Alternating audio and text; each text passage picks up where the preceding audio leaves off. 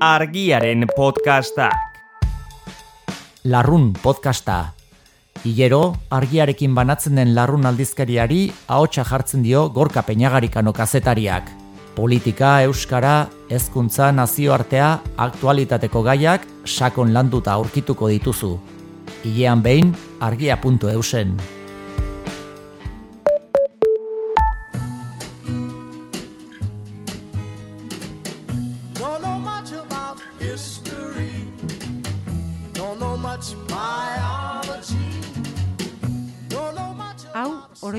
histerikoa da. Historia diren istorioek txoratzen gaituztenon podcasta.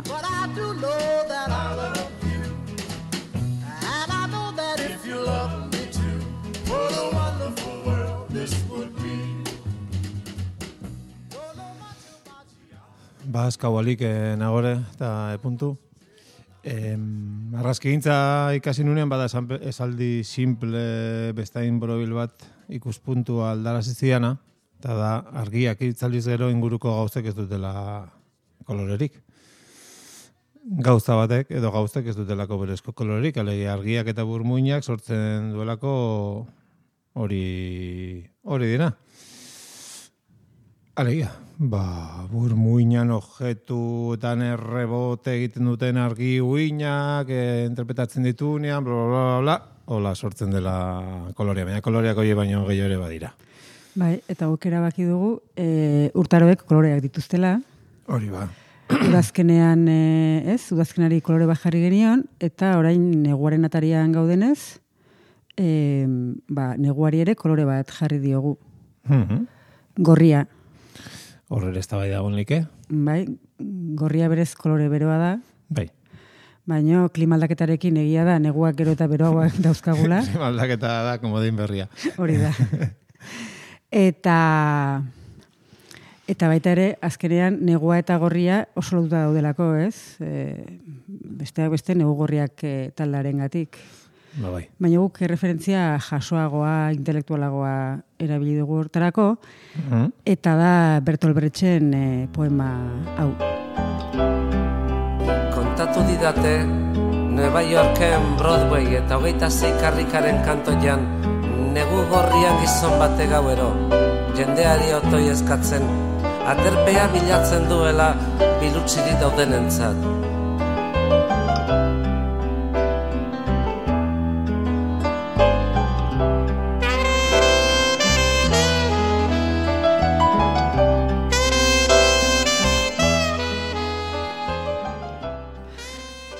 Eta gainera, e, negu gorriak taldearen izena ere, e, poema honengatik dator. Hortik dator. Bai, bai. Mhm.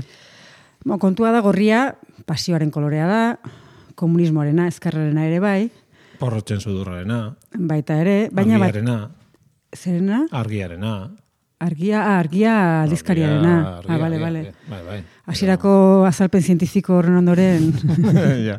Edo Ingalaterratik Mallorcara udan doazen turista hoien azal kolore bigarren egunerako. hori ere, egia da, bai. Baina batez ere, arriskuaren kolorea da, ez? Larrialdiena. Bai. Gorriak kontuz esan nahi du, eta horrek badauka arrazoi logiko bat, zientifikoa, eta da gorriak uiluzera handia daukala. Horrek esan nahi du, lehenago eta urrutiagotik e, iku, e, antzeman dezakegula kolorea, eta horrek esan nahi du, erreakzio tarte txikiagoa behar dugula gorria ikustean.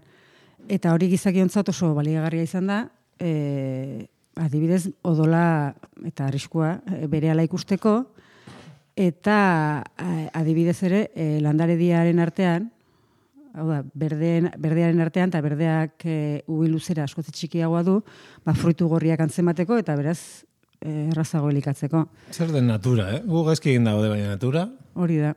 kristona da. Eta horregatik, adibidez, semaforoetan argi gorriak geratzeko esan nahi du eta berdeak aurrera jarraitzeko, Hmm. ze garrantzitsuagoa da geratzeko seinalea lehenago ikustea bestea baino, ez? Ja. Bai, bueno, bai. Bai, txinatarrek ez zuten... Bizitzen eh, jarraitzeko, bai. Bai, baino txinatarrek ez zuten berdina pentsatu, o txinatar batzuek bintzat, e, mila ebatzen da irurogeita seiko abuztuan. Ah, bai. E, bai, e, ez zuen arrakasterik izan, ja aurreratzen dizuet, baina Txinako gobernuak, bon, zehazki guardia gorriak, pentsatu zuen, e, bai, ekimen bat egingo zuela, esan dugun bezala, mila batzi da iruroitasiko udan zan, irautza kulturan betean geunden, gobernua nahiko hau zegon, eta guardia gorriak e, gobernuaren kontrola lortzen ari zen, eta, e, bueno, esan dugu, gorria komunismoaren kolorea dela, eta, eta komunismoak simbolizatzen du aurrera egitea. Bai, beti antzina. Beraz, gorriaren bidez, gelditzeko agindua ematen duten semaforoak, antikomunistak dira, garbi. Hori oso ona da, eh? Bai, Hortxe gaurko titularra. Bai. Semaforoak atzerakoia dira. bai. Semaforoa Henry Kissinger dira. Eta, Semaforoak eh, bueno, ez, bandikan biziri daude. el diario vasco irakurtzete. Hori da. Orduan, logika horri jarraituz, abuztuaren hogeita lauan, esan bezala, mila bezion da seian, semaforen koloreak trukatzea erabaki zuten. Eta kartelak, e, kaleak barkatu kartelez bete zituzten, mm, erabaki horren berri emanez, eta orduan handik aurrera, argi berdean, e, argi berdean aurrean geratu egin berzuten, eta argi gorria ikustean aurrera egin berzuten, komunista onak bezala. Boso ondori uti zait. Ba, baina txinako populazioari, ez, beste, Ez da nire jona iruditu. ordurako txinako populazioa gainera izugarria zen eta zirkulazioa ere bai kaleetan.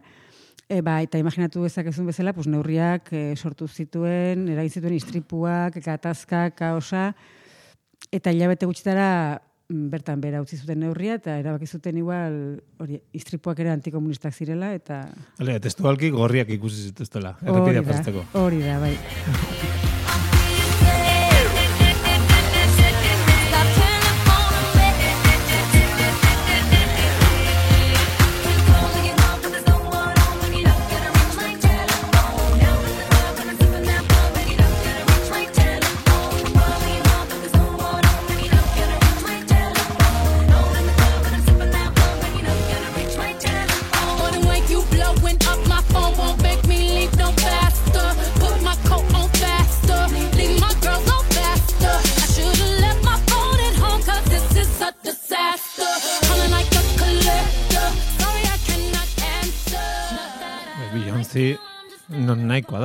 txinakoa ez nun, ez nun irudikatzen, eh? Ez, eh? Ez? Zer, zer da dator hau? Telefon? Ba, beste elementu gorri historiko Ah, importante bat, telefono gorria Arrasai.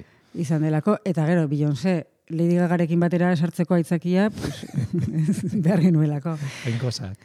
hori da.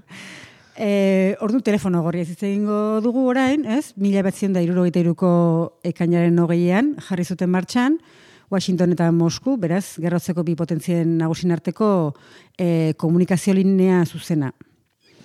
E, baina, esan beharra da, telefono gorria, ez zela ez telefono eta ez gorria.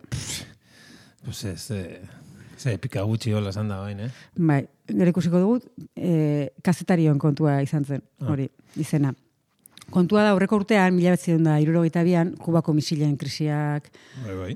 Agerian utzi zuen, Sovietar batasunan eta estatu batuen arteko komunikazio bide zuzenagoa, seguruga behartzela, ez? E, em, e, orduan, e, Kubako misilen krisian, Nikita Khrushchevek e, bialitako mezuak amabi ordu behar izan zituen etxe zurira dekodifikatuta iristeko. Orduan, ababi ordu margen handia da, bori ez, krisi gatazka larriago bat pizteko. Bueno, kubako ritmoan. Bai, hori da. Eta esan bezala, kazari jarri zioten telefono gorria izena. Eta, baina hori, esan dugun bezala, etzen sekula telefono bat izan, e, komunikazio telefonikoa berez arriskutsua zela erabaki zuten. Gauza bazen azkarrago izatea, baina beste gauza bazen, ez? E, ba hori, azkarregi ere izatea. Idatzizko komunikazioak hotzago jokatzeko aukera emango zuen, ez? Hausnarketarako, beroaldiak eta improvisazioak saiesteko. Eta mm, gainera bakoitzak bere hizkuntzan idaztea hobetsi zuten. Ez? Normala denez. Gero mezuak ondo itzuli eta gaizki ulertuak saiesteko. Eta horregatik teletipo, teletipo bat erabiltzea erabak, erabaki zuten, eta argazki ikusten baduzue da, hola, idaz makina zar, beltz bat. Telefono gorria da, tramakulu beltz bat.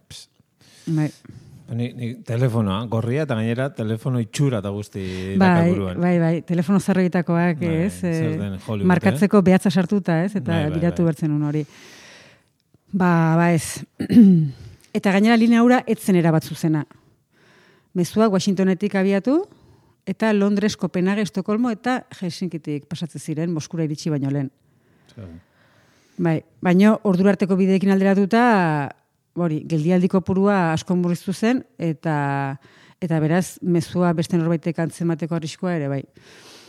Em, guztiak, mezu guztiak e, zifraduta bidaltzen zituzten, baino e, nahiko, ez, kodifikazio e, sistema lengu- lenguak oso komplexua ziren, orain asko ze simpleagoa ziren. Egia da, teletipo horrek evoluzionatu egin zuela, mila behatzion da maikean satelite bidez eh, hasi ziren komunikatzen, mila behatzion da laurogeita bostean faxa erabiltzen hasi ziren, Ze, ze, hor- horrek ematen du atzera, ez? Satelite bidez emategu, oh, kristona. Eta gero faxa. Eta gero faxa Bai. kustre hori. eta gaur egun emaila. Gaur egun Ah, emaila da telefono gorria. Bai. Hori ere, Baino, e, indarrean dago oraindik telefono gorria, baino azken urteetan ez omen da erabili. Bai, adibidez, Rusiak e, Ukraina erasotu zuenean, e, ez zuten... hasi kiera email bat biali. Hori da. Gero bagoaz. Bai, Oaz Ukraina. Hori ere. ez... E, lehenengo aldiz, era, erabili zuten Kennedyren hilketaren berri emateko. Mila batzion da, e, hala. irurogeita iruan, bertan. Eta, baina lehenago proba bat ere egin zuten. Eta e, lehenengo mezua izan zen, e, lehenengo proba Washingtontik Moskura, eta hausia izan zen mezua, barkatu nire pronunziazioa, eh? Ba. The quick brown fox jumped over the lazy dog's back.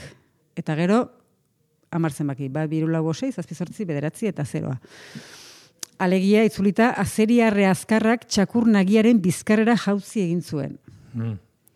Sakona. Bai, baina hori ez, e, askoak pentsatu zuten ez, e, Zer da hor. horren atzean, zoze, ez, Zoze. zoze sekretu enigmatikoren bat egongo da, ez? Zin da txakurra. Baina, ez, ba, zeinek egiten dio salto zeini, ez? Ba. Azalpen asko ze sinpleagoa da. Linea probatzen eh, ari ziren teknikariek eh, erabaki zuten teletipoaren tekla guztiak eh, ondo zebiltzala egiaztatu behar zutela, eta hortarako besterik gabe alfabetoa ordenan jartzezaketen, adibidez zenbakiekin gero egin zuten bezala, ez? Baina, ba hori, nonbait, ez, jostari zeuden egun horretan, eta alfabetoko letra guztia jasoko zituen esaldi tonto bat eh, asmatzea burutatu, bururatu zitzaien. Tonto, baina, hostia, oso ona, eh? Bai, Dena ez? dazka. Ez Mundua konprobatu, dardarka, eh? mundua dardarka dago, gerra nuklearra, ez, e, gainean daukagu, Eta- baina telefono gorriaren arduraunek e, erabaki zuten umore pixka bat jartzea. Jode, guapo izango zen. Hori ondo dago, eh? Esan kurratu zuten baina, palindromoren bat. Eh? Signoren eroni. Edo... Baina eske horrek oso letra gutxi hartzen ditu. Bueno, Imaginatu baina- txapa sartu behar dezun, e, alfabeto guztia Baina epika pizka temate aldera. ez dakit. Epika baino, lirika sartu zuten erantzunean sovietarrek. Hore? Bai, Moskuko arratseko zeruaren deskribapen poetiko batekin erantzun zuten. Seguro? Bai, eta imaginatzen dut Moskuko arratsa gorria izango zela. Ja, baina eh, ez dakit nik hola Dimitrovich eh, imaginatzen dut hor teletipoaren atzean, eta eh, ze- zerua horri gorrikara da, txoriak firin farandoa, odeiak eta meka, janki puta bebialiko dizu kriston pepino zarra. Seguro ez, hola biliko ziela. Auskalo. Bo, kontua da, telefono gorria, esan dugu ez dela ez telefono eta ez gorria, baina beste elementu ezagun bat, historian gurutze gorria da. Eh, bai. Bai, mila sortzen da berrogeita meretzian e, ez zen sortu, baina hor abiatu zen e, ideia, e, Henri Dunant negozio gizon filantropo eta ekintzaile humanitario suitzarrari bururatu zitzaion, eta kontua da urte horretan berrogeita meretzian e, Italiara joan zela negozio bidaian, eta Lombardian zela e, solferinoko gudu odoltsuaren lekuko izan zela.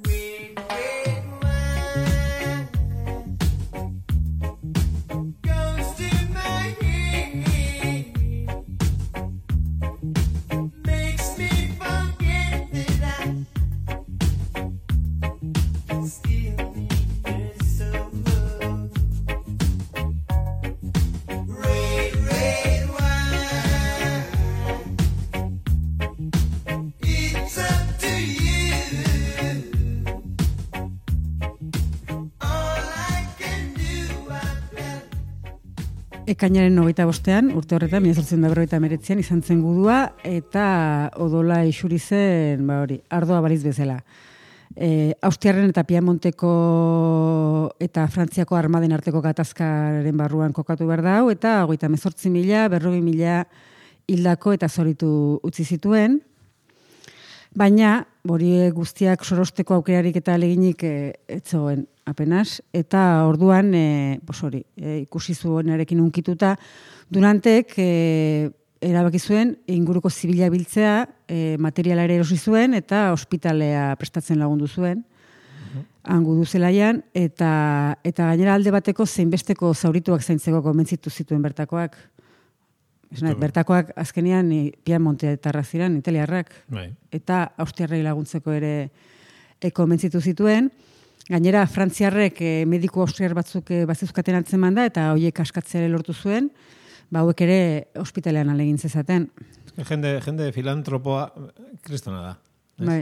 Hori, negozio gizon eta gero filantropo hitza etortzen da beti jarraian. Bai. Ez dakiz zergatik. Ba, filantropia egiteko dirua baldin badaukazu, ez? Lehenago kendu ber, ez?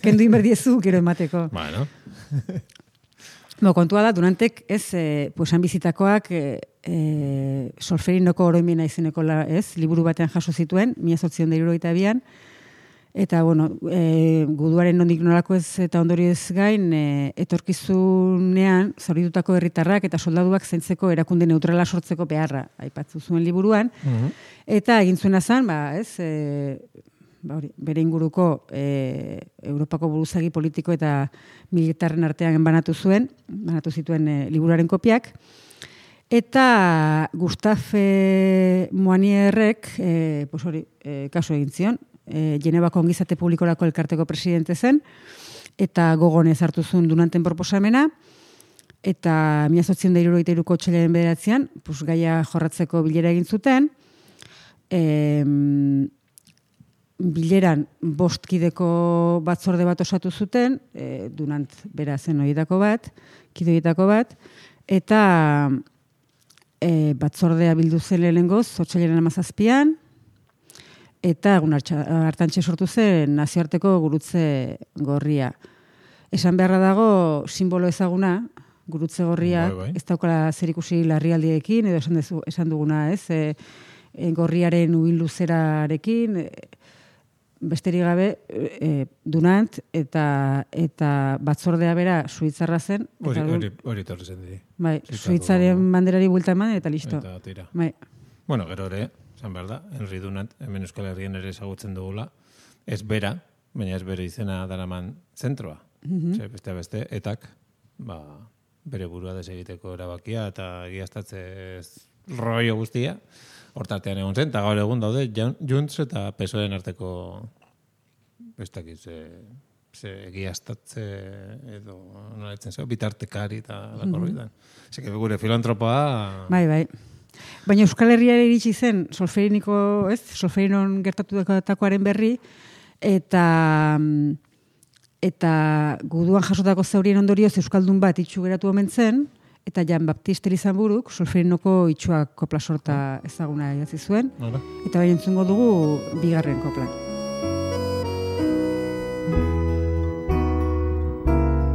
Betiko gaua gaulazgarria begietara zait jautsi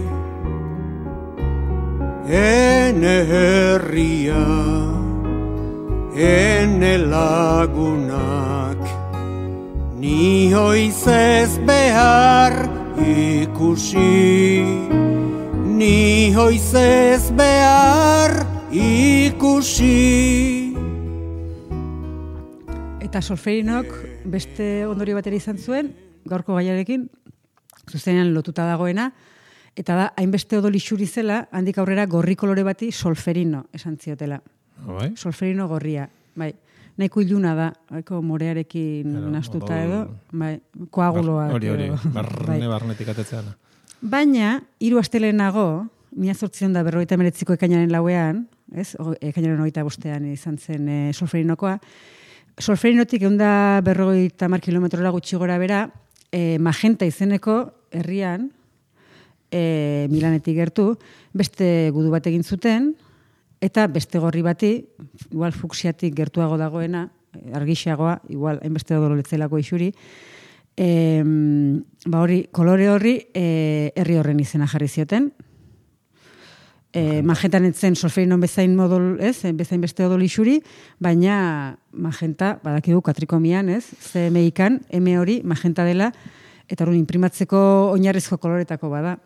Bai, bai. Eta diseinatzaileak ez garen antzako internetera irudi bat igotu nahi dugun aldiro, RGB eta CMYK dira asmatu diren bi gauza gure bizitza komplikatzeko. Bai, Beste bai gabe. RG bada, ring, Red, red, green, green, black, O Blue. o blue, blue, bai, Blue. izango da. Bai, blue. Ez dakit, CMYK badakigu zer dan, zian urdina, magenta orantxe esan dugu, Yellow Submarine. yellow, eta blacken K hori dela uste, eh, bai, azkenekoa. CMYB. Bai.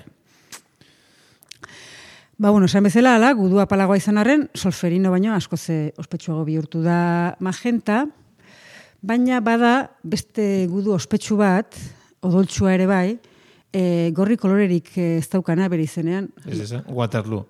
hori da, Ah, bai? bai.